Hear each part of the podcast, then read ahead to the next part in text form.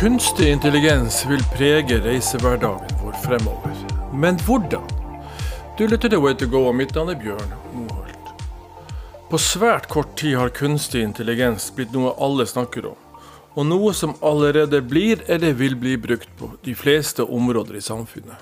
Også reiselivet. Til å snakke litt om dette har vi fått med oss Chief Product Officer i businessclass.com, Henrik Hanevold. Henrik Hannevold, eh, velkommen til eh, Way to go. Jo, takk for det. Du, eh, du sitter hjemme nå, forsto jeg. Og du er litt sånn som meg, du er blitt en litt farende fant. Og, og det jeg lurer litt på, er litt om deg, Henrik. For at uh, lytterne kjenner kanskje ikke deg så, så godt. Og, men businessclass.com er vel blitt en, en, spiller i et marked hvor dette med digitale løsninger er, er, er, i forkant, kan du si. Ja, absolutt. Vi, vi, vi snakker jo om oss selv som et tech-selskap, eh, må vi jo si. Eh, og, og, i forhold til det du sier med at, at om folk liksom vet hvem vi er eller ikke. Vi, vi merket vi var her i eh, mars, var det vel, da var vi i Berlin på ITB-messen, som er verdens største reiselivsmesse. og det, det, som var utrolig gøy, var at når vi gikk rundt der og traff ulike aktører, spesielt flyselskap, da, og så går man bort og introduserer seg. 'Hei, jeg er Henrik fra businessclass.com.' Så, så, visste de nå hvem vi var. Okay. Og det er litt kult at en, en, i utgangspunktet en ganske liten aktør fra Norge nå, nå, visste imponerende mange av flyselskapene de kjente til oss. Og Det var veldig gøy. Da begynner man å merke at man, eh, at man begynner å være på riktig vei. Ja, altså businessclass.com har jo eksistert en stund. Jeg vet ikke, Jason som er gründer, Jason Eckhoff som er gründer bak dette her, han starta vel i 2015, hvis ikke jeg husker helt feil. Så det har tatt litt tid. Det som kanskje gjør dette her internasjonalt, er rett og slett navnet mysticclass.com. Det er ikke .no. Og målet er vel at dere skal bli en stor internasjonal aktør innenfor dette her, stemmer ikke det? Absolutt. Stemmer at selskapet ble startet opp i 2015, men selve tjenesten ble ikke lansert før i 2021. Det ble lagt uh, lang, lang, tid og mye ressurser i å utvikle løsningen først, og så, så kom pandemien som gjorde at det var skulle egentlig starte opp våren 2020. Det var jo ikke ikke noe god tid eh, å starte opp, så da fikk vi egentlig et år med ekstra på, på å utvikle mm. videre. og Det var egentlig veldig, veldig godt. Jeg, jeg starta jo der, eh, eller startet i selskapet 1.2.2020. Og det var jo rett før hele verden ble snudd på hodet. Men uh, noen ganger så jeg, tenker vi tilbake på det som litt sånn en velsignelse at vi fikk, uh, vi fikk muligheten til å si ok, nå er det ingen som reiser. Vi har noe helt nytt på gang. Og nå kan vi heller konsentrere oss om å, å perfeksjonere det da, uh, før vi går live. Så det var egentlig veldig fint for oss. Ja, ja. Jeg tror det var mange som følte det litt slik også. Um, men ting tar tid, det vet du jo etter hvert. Uansett nærmest hvor man skal starte. Men dette med kunstig intelligens, og ikke minst dette programmet ChatGPT, det slo på mange måter ned som en bombe her i november i fjor. Og, og hva var det egentlig som skjedde, Henrik? hva som skjedde? Ja, det er et godt spørsmål. Altså, det, det, jeg, det, det slo jo ned som en bombe, Sima, men samtidig så tenker jeg jo at vi har jo hatt uh, ulike chatbots og, og, og, den type ting under utvikling i mange år. Mm -hmm. uh, men plutselig så fikk man jo en veldig mye bedre chatbot, kan man si. For det, ChatGPT er jo en, en tekstgenereringsløsning. Mm -hmm. Så det den gjør, er jo egentlig at, at, man stiller et spørsmål, og så finner den svar. For så vidt som, som type Google eller noe ville gjort, men den leser jo svarene. Og prøver å trekke noen konklusjoner og, og, og gi deg et svar som som jo egentlig oppsummerer noe de har funnet et annet sted. Det er jo sånn at Finner de dårlige kilder, så får du dårlige svar. Mm. Ja. Men, men, det er klart at det, den, den, har jo eh, Det tok jo liksom verden med storm, og så, er jo selvfølgelig andre, så kommer det andre løsninger. Google har Bard, og det er vel et par andre også. Stemmer det. Uh, og jeg forsto det slik at de hadde faktisk jobba med dette her, um, dette selskapet AI uh, Jeg husker ikke helt hva det heter. OpenAI. De har jobba med dette her mer eller mindre i ti år før ChatGPT faktisk gikk på lufta. I det skjulte langt på vei. Og Elon Musk har vært en av de som har ligget i, altså, i, i, i vært med i bakgrunnen her, iallfall innledningsvis. Og så har det skjedd mye der, da. Men men, eh, men det, det, tok voldsomt av, og det har vel sammenheng med at programmet var blitt veldig veldig bra. Altså det, Plutselig så gikk det fra å være nærmest en sånn, hva skal jeg si, en robot, ren robot til å bli en sånn nemlig menneskelig, menneske, menneskelig, menneskelig, et menneskelig program. Et program som faktisk tar, tar, disse spørsmålene på alvor. Og som da, som du sier, sømfare nettet, egne server osv. for å finne de gode svar. Selv jeg må innrømme at jeg har brukt det i, i artikler, og det fungerer forbausende bra. Um, kan du si litt om hvordan dette påvirker businessclass.com? Er dette noe dere nå ser på og vurderer å implementere i, i virksomheten? Man kan jo snakke om det på, på, på, to ulike nivåer. Det ene er liksom hvordan bruker vi det internt, og det andre er hvordan vil en kunde altså hvordan vil det møte brukeren. da. Og Hvis vi starter internt, for det er jo egentlig der vi har tatt det litt i bruk allerede, mm. så har jo vi um, du, du, du, er jo du er god til å skrive selv og har skrevet mye opp gjennom årene. Og, og vi har jo også et redaksjonelt team hos oss som, som produserer uh, artikler, uh, anmeldelser av flyselskap og hoteller og destinasjonsguider, den type ting. Uh, og det vi har begynt å gjøre der, er jo å um, hva skal man si, få hjelp av ChatGPT til å skape hva skal man si, skjelettet til en artikkel. Mm. For Det som viser seg, er at hvis du sier til, til ChatGPT at uh, skriv en destinasjonsguide for Paris på ca. 1000 ord, så får du jo det. Men du kan ikke ta den for god fisk. Mm. Uh, for, for, det første så, så, viser det seg jo at det, det, dukker opp en del feil. Og det er rett og slett for at hvis de har funnet litt dårlige kilder, så kan de anbefale et museum som plutselig egentlig er stengt for to års uh, oppussing, men det har de ikke fått med seg. Den type ting. Uh, det man også det mangler, er jo litt den der personlige touchen. Så det vi, det vi, gjør, da, er jo at vi bruker jo da løsningen for å få på en måte, la meg si, utkastet til en artikkel, og så har vi da um, en, et antall skribenter i vårt team som, som egentlig tar da artikkelen og så gjør de den til noe mer unikt. Legger inn personlige observasjoner. Uh, og så ender de opp hos vår redaktør Varun uh, til slutt. Uh, så at, at det, som, det, som, blir publisert, er etter hvert ganske sånn man, si, menneskelig behandlet og menneskelig skrevet, men man har fått liksom starthjelpen fra ChatGPT. Ja, for det er jo litt interessant. Eh, egentlig så er businessclass.com en søkemotor eh, i, premium, det såkalte premiummarkedet. Altså de søker opp I første omgang så var det vel snakk om flyreiser. Etter hvert så er vel det, det området utvidet til å også omfatte andre områder innenfor reiselivet. Men dere har også en, stor satsing på et redaksjonelt innhold, et miljø knytta opp mot da, denne søkemotoren. Og det har vært, vært, veldig viktig for dere at den skal eh, være der, og ikke minst være god og inspirerende. Ja, og vi har jo en teori om at sånn, jo, jo, dyrere ting du kjøper, desto mer informasjon søker du. Det gjelder uansett om det er en reise eller en bil eller en klokke. Eller, altså, uansett hva du skal kjøpe, jo dyrere det blir, mm. desto mer research gjør vi gjerne som, som, som, mennesker. Vi liker å sjekke på forhånd, så vi vet hva vi kjøper. Og det, det for oss da å være en eh, ressurs når det gjelder informasjon knyttet til premiumreiser, og, og spesielt selvfølgelig alt med da premium flyreiser, og, og ikke minst da business class-reiser. Eh, det er jo viktig, for hvor, hvor, begynner reisen ofte? Jo, på Google. Noen begynner med jeg har tenkt meg til Fiji, eller jeg har tenkt å reise til Thailand, eller hvor det måtte være. da. Så begynner du gjerne på Google. Du mm. begynner å søke etter noe. så da, da, da, hvem, hvem, finner du? Vi vil jo gjerne at det skal være oss. Mm. Eh, og hvis man søker på noe som spesifikt inkluderer ordet business class, så gjør vi det jo veldig, veldig bra. Eh, for vi, vi, søker, vi, heter det folk søker på. Eh, så hvis man søker nå eh, et eller annet flyselskap, si at du søker Air India Business Class, så havner vi faktisk over flyselskapet på Google. For vi heter jo akkurat det som folk søkte etter. Så Ofte så er flyselskapet nummer én, og så er vi nummer to. Og så er det noen hvor vi nå har begynt å dukke opp som nummer én.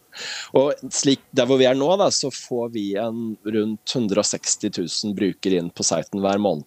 Hvor mye sa du? Organisk. 160? 160 000. Ja, som kommer rett og slett fra Google, fordi de har søkt på et eller annet som vi har skrevet om. Mm. Men, men her, de så, ja. ja Henrik, dra oss litt igjennom eh, hvordan dette her foregår. For Hvis jeg forsto deg riktig nå, så hvis du la oss si skal dra til Fiji, hva er det du begynner å søke på? Her kommer vel såkalte algoritmer inn i spill. Hva man faktisk starter med, hvordan man ender opp. Starter man da f.eks. med å søke på Fiji som et reisemål, og ikke nødvendigvis på selve reisen? Er det sånn å forstå? Så jeg tror uh, de, de, fleste Jeg er jo over gjennomsnittet interessert av fly, så jeg ville kanskje begynt å søke til Fiji Airways. Men de aller aller fleste la meg si, normale mennesker de er jo først og fremst opptatt av destinasjonen. Og så er transportmidler på en måte sekundært. Så man begynner jo gjerne med at man, man søker etter uh, ting å gjøre på Fiji, eller hoteller å bo på. Uh, hvilke øyer burde jeg besøke? Det er jo 330 øyer der, så, så hvor skal man reise? og så etter hvert så, så penser det inn på hvordan skal jeg komme meg dit, da, og hvor skal jeg bo? Riktig. Og, og, dere skal på en måte være med på hele denne reisen. Og, og, for å få dette så eksakt og godt som mulig, så bruker dere da kunstig intelligens for å på en måte være oppdatert på hva som til enhver tid befinner seg på disse reisemålene. Ja, eh, og som, som vår kjære redaktør eh, ofte sier, at, at man finner jo fortsatt mye feil. Det er derfor det er så viktig at vi sjekker opp at, det man får som et utgangspunkt da, fra, fra, en AI-løsning, er riktig. Så er det, det er interessant å tenke hvor er vi om tre år, fem år? Da er det mm. kanskje ikke så mange feil lenger. Og det er klart at Da er det nok mange, mange, mange reisejournalister, eller for så vidt journalister innen mange, mange temaer, som begynner å bli litt nervøse for hva skjer med jobben min.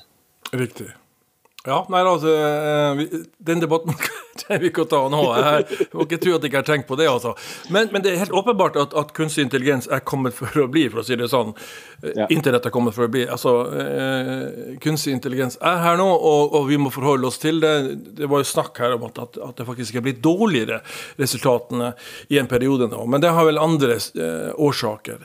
Uansett så er dette her noe som, som kommer til å være her, og som vil bli bedre, og som vi må forholde oss eh, til. Jeg så en undersøkelse her, Euromonitor heter det vel, Euromonitor International, som, som da kunne bekrefte at 97,8% av reiseledere, altså ledere i reiselivet, forventer at kunstig intelligens vil ha en innvirkning på bransjen.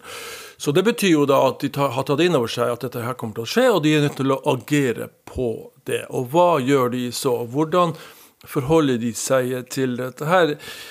Hvordan ser du for deg at La oss si at jeg skal bestille meg en, en reise. da, La oss holde businessclass.com litt utenfor, men på generelt grunnlag så, så, skal man bestille seg en tur. La oss si til Hellas, da. I hvilken grad, hvordan, I hvilken grad kommer kunstig intelligens å spille inn her, og hvordan vil det utspille seg i en bestilling? La oss si et år frem i tid.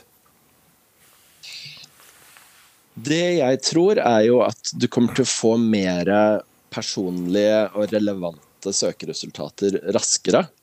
Uh, og så tror jeg også at måten du søker på, kommer til å endre seg. For i dag er det gjerne sånn at du, du går til en søkemotor, uh, og så legger du inn 'jeg skal fra Oslo til Bangkok', f.eks. Uh, og på de og de datoene. Og så får du masse resultater. Men det jeg tror kanskje det kommer til å endre seg til, det er at du sier 'jeg har tenkt meg en tur til Thailand i oktober'. Eh, jeg har et budsjett på 50 000. Eh, vi er to personer. Eh, vi liker mat, og vi egentlig gjerne fly Starlines. Og så får du så, så får du et svar. Altså at, du, at, man, at man, en, man, er mye mer spesifikk i hva man ber om. Og det kan være spesifikk enten i form av at man selv sier det, eller at man uh, bruker en løsning hvor, som allerede vet hva de vil ha. Mm. Uh, det, som vet at, at, jeg foretrekker å fly Starlines, du foretrekker å fly One World, f.eks. Mm. Og da skal man jo få resultater som er mer sannsynlig at det er det du faktisk er interessert i.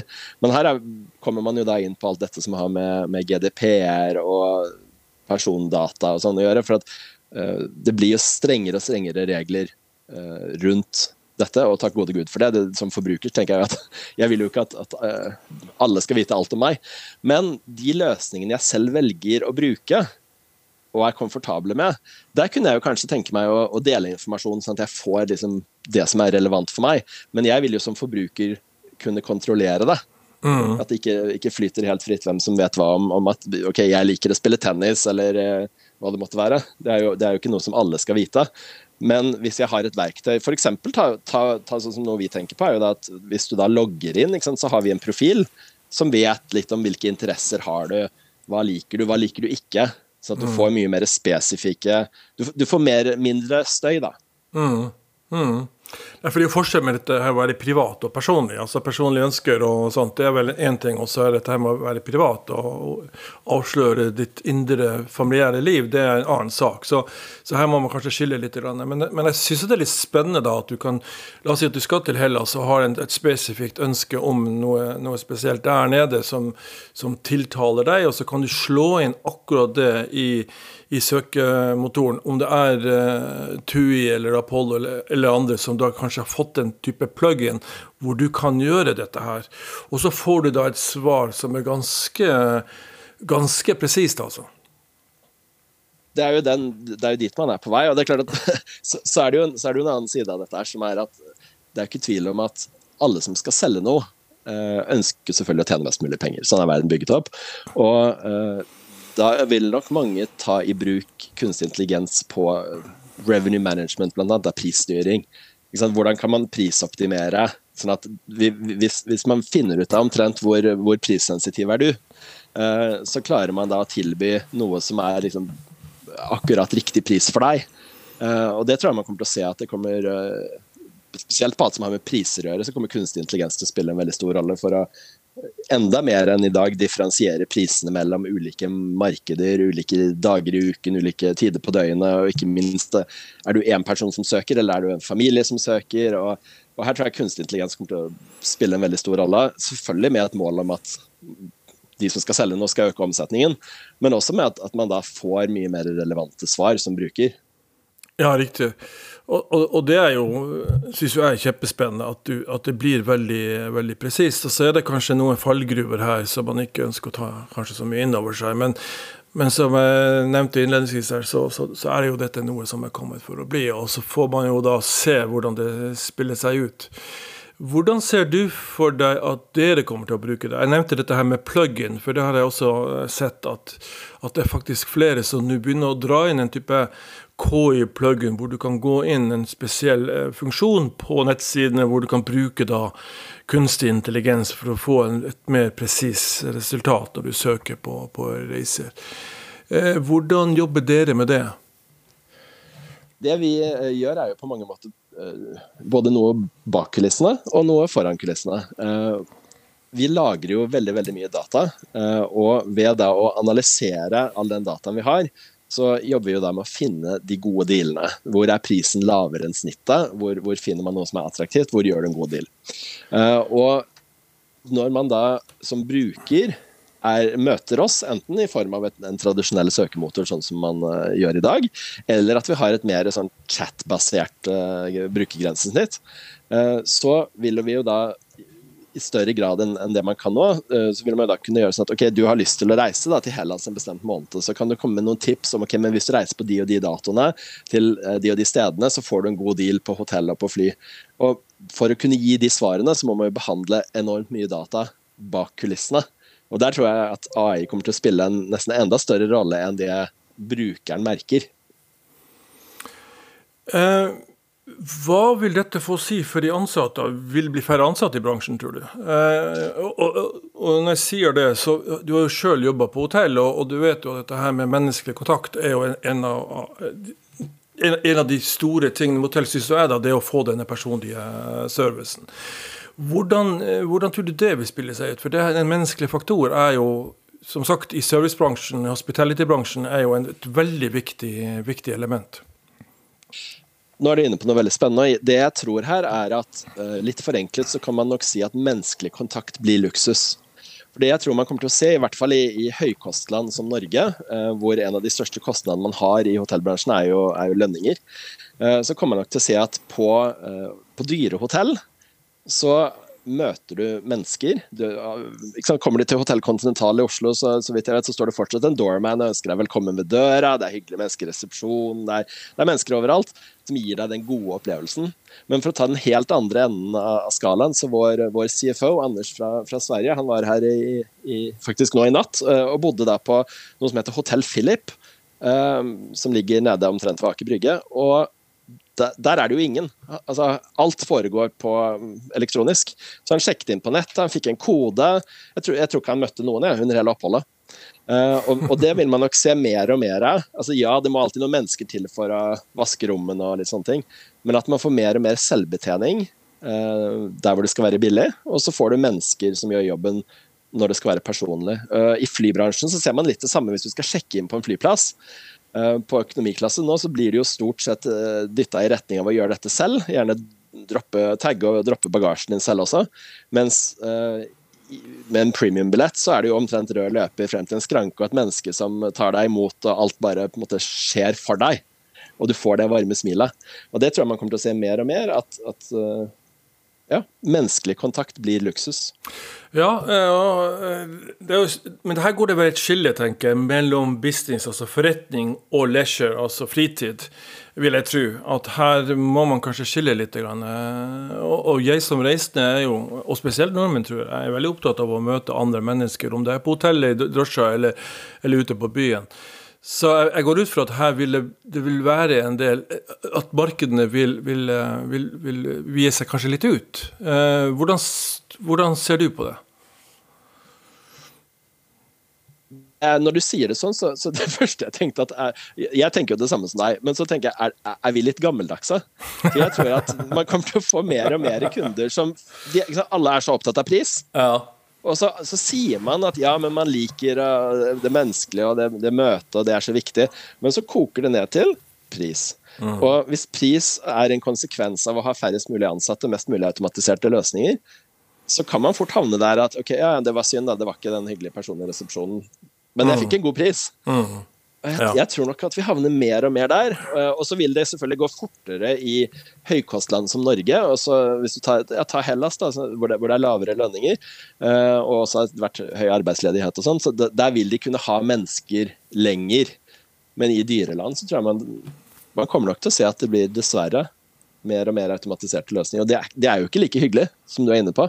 Men da kan jo det også åpne muligheten for de som faktisk ser at men dette er jo noe folk vil ha. Mm. Er, Hvis du skal på en romantisk helg og, og mm. du ønsker det, det, skal være noen som må gi deg den gode opplevelsen, tatt varmt imot. og liksom, da, da, kjøper du jo egentlig mennesker som en del av den tjenesten, mm. i form av altså, Det hørtes jo nesten, nesten sykt ut, men altså, det, det, altså det, blir jo en form for teater. ikke sant?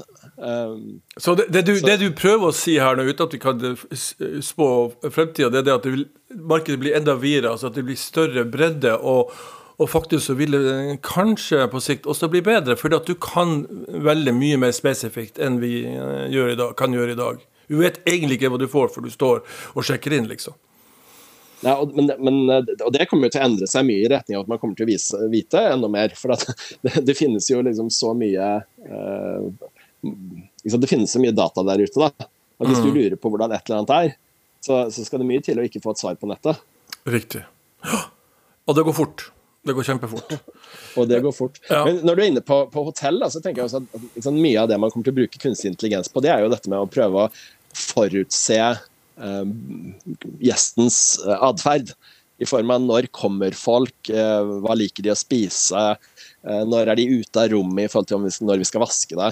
Eh, når får vi mye innsjekk, sånn at vi må sørge for å ha nok mennesker i resepsjonen hvis det er et hotell som faktisk har mennesker i resepsjonen. Betyr det at det blir slik at når jeg sjekker inn på et hotell, så vet de at han her karen her, han er skikkelig eh, han, han, roter på rommet, han kommer seint inn. altså er, De vet veldig spesifikke ting om meg allerede før jeg sjekker inn altså på hotellet. Eh, kommer vi dit, tror du? At de vet så mye om oss at de kan, eh, at de kan antisipere ned på det nivået? Jeg, jeg, håper og tror ikke det. Uh, og, og, her er det jo at, at, at, heldigvis myndighetene også er opptatt av å regulere. Den type data skal ikke være så lett tilgjengelig. Men, men så kan man jo spørre seg, okay, hvis du da er medlem av lojalitetsklubben til det hotellet du skal bo på, mm.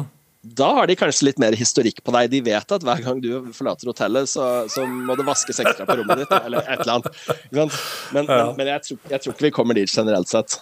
Nei, altså, for Det er jo sider ved dette her. Jeg så en uh, sak her om at Italia har, har lagt ned forbud mot uh, ChatGPT. I hvert fall midlertidig. Uh, så, ja, og Det har vel noe å gjøre med at det ikke, ikke ses på som pålitelig, for du får jo mye rare svar. Mm. Ja, så, så, det er jo en del motstand uh, mot, mot, dette her. Men det er jo litt sånn som internett uh, i seg selv. Du kan ikke stoppe det. Dette blir for stort til å, å gjøre det.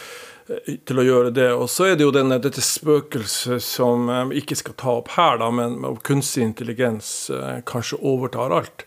Det blir så sterkt at den, den den, den, overtar verdensherredømmet. Og det er jo Elon Musk sitt store mantra nå, er å gå inn og, og, og hindre det. Og legge begrensninger på hvordan kunstig intelligens skal anvendes.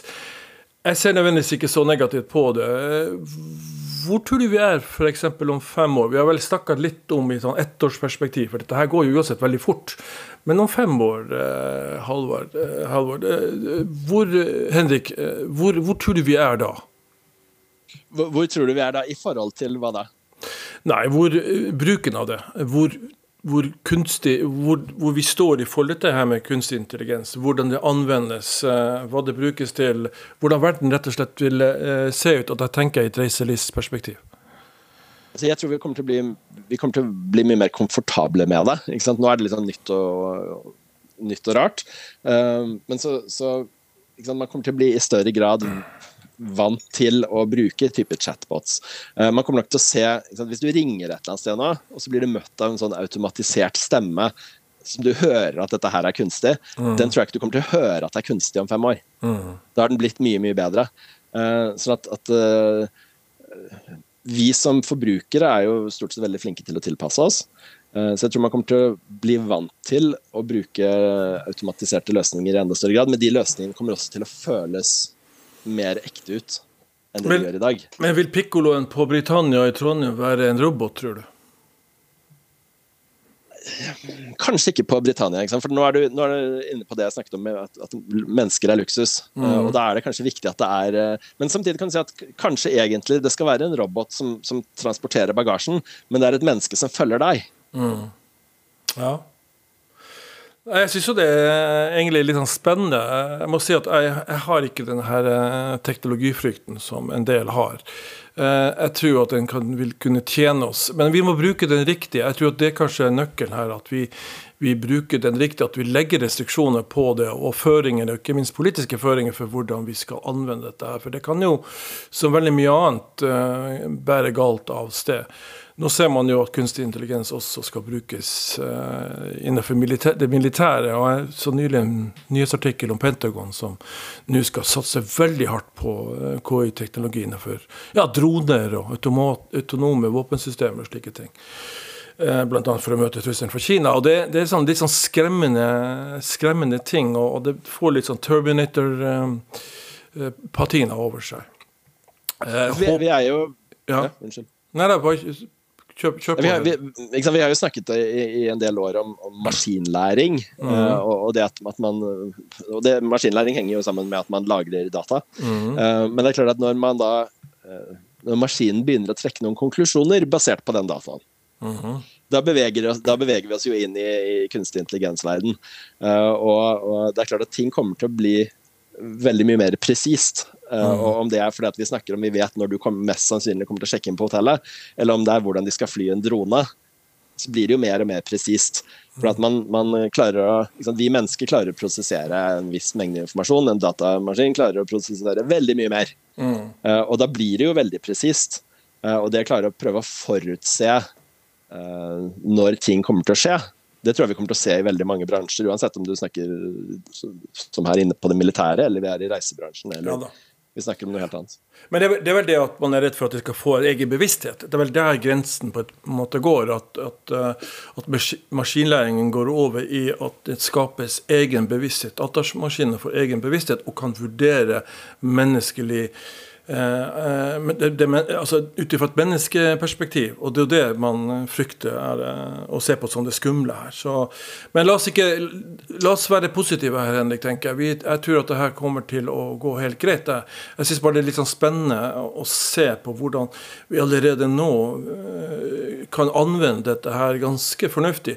Jeg må innrømme det at jeg, jeg gjorde et artikkel. Jeg skal, jeg skal, ikke si hvilken artikkel, for da vil folk begynne å lete etter den. Men, men jeg, det var sånn 10-15 beste av et eller annet. Og så brukte jeg ChatGPT på det, og fikk frem et resultat på tre sekunder. Helt vilt. Og så sendte jeg da resultatet over på den oppdragsgiver som hadde fått. Dette var sånn såkalt content marketing. Og det eneste vedkommende reagerte på, det var at det var et par, par for få. Altså, det var, ikke det at det var galt, men at det var hadde, det var et par andre som han egentlig hadde sett for seg. Så det Han konkluderte med at presisjonen var helt fenomenal, uten at jeg nevnte for han at det var chat GPT. Og for meg så er jo det litt skremmende, i og med at jeg lever av å nettopp lage den type, type artikler. Så ja, fremtiden er spennende, men også litt uviss, tenker jeg. Men samtidig da, så ser vi jo vi, vi skriver jo noe av det vi lykkes best med da, i redaksjonelt stoff, det er jo når vi skriver anmeldelser av ulike flyselskap. Uh, hvordan er business class på SAS, eller hvordan er business class på British Airways. Mm -hmm. uh, og, og, og, da stilte jeg selvfølgelig det samme spørsmålet til ChatGPT. Uh, skriv en review for meg av Lufthansa business class. Og så får du da et, et svar, men det, det, jeg som bransjemann da veldig fort begynte å se, at her var det fryktelig generelle beskrivelser. Mm. Og så sier jeg da ok, men gi meg en review av Cathay Pacific business class. Mm.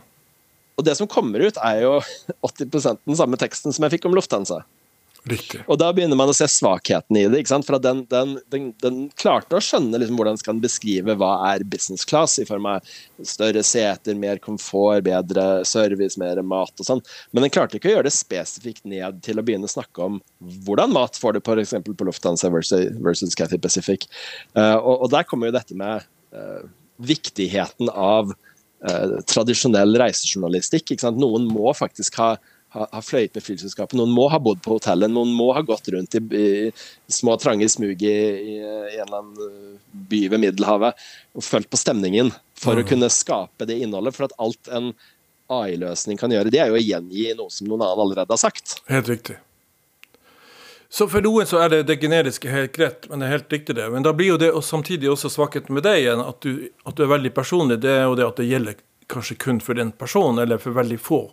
Så her er det liksom alltid en avveining. Men jeg er enig. Jeg, jeg håper og tror, og jeg, jeg vil insistere på at uh, den måten den personlige, den personlige artikkelen eh, vil leve ganske lenge fremover, for ikke å si for alltid, tenker jeg da jeg tror også det, det du kan få, er liksom, du, du, du, ber om en uh, topp ti-liste over ting å gjøre i Paris.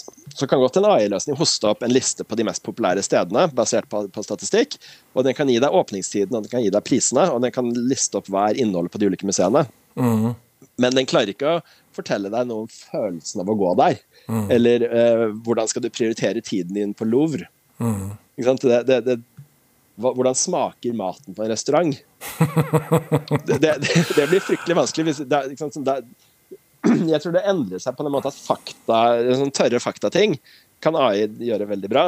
Mens uh, det som er knyttet til opplevelsen der, må jo fortsatt vi mennesker gjøre jobben. Ja, Eller at det kan henvise til noen som allerede har gjort det. For det som du sier, den, de opplysningene finnes jo ute på nettet ofte. Og, og da kan man hente frem de, de uh, svarene fra de som har, har, skrevet dette her tidligere. Så det, det, det, er en mulighet ikke sant, selvfølgelig å omgå dette. Og, og det vi også snakket om i stad, at det blir jo mer og mer presist. Men da må jo også spørsmålene kanskje være enda mer presise. At vi må lære oss å bruke det riktig. For det ligger vel også i dette her, tenker jeg. at her, her, det ligger en læringskurve her som vi er nødt til å forholde oss til i forhold til hvordan vi, vi anvender det.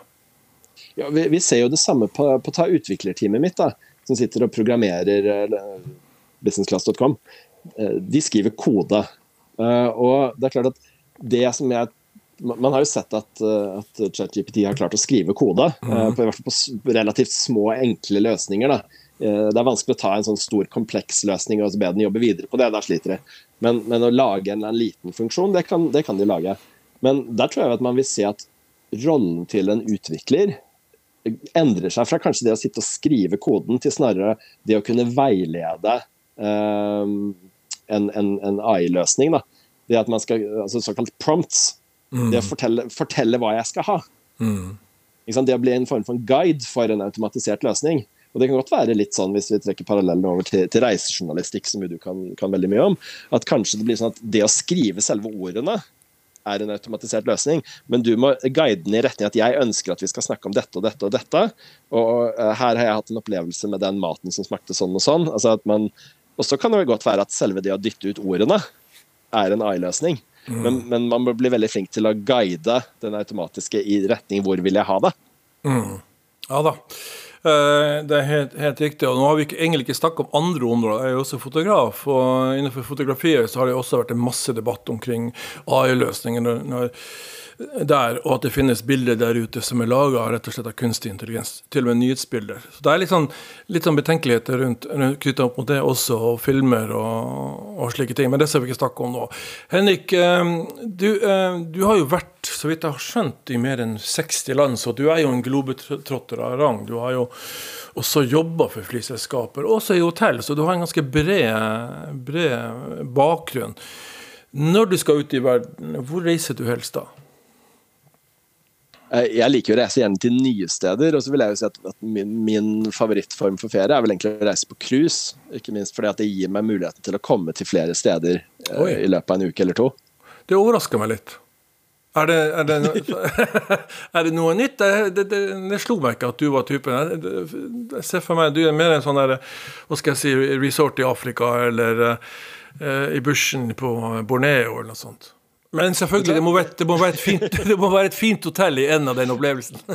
det, det, ja, vet du hva, det, og det, er, er, nok riktig. Nå skal det også sies at jeg har to barn. Eh, ja. Våre eldste nærmer seg seks år.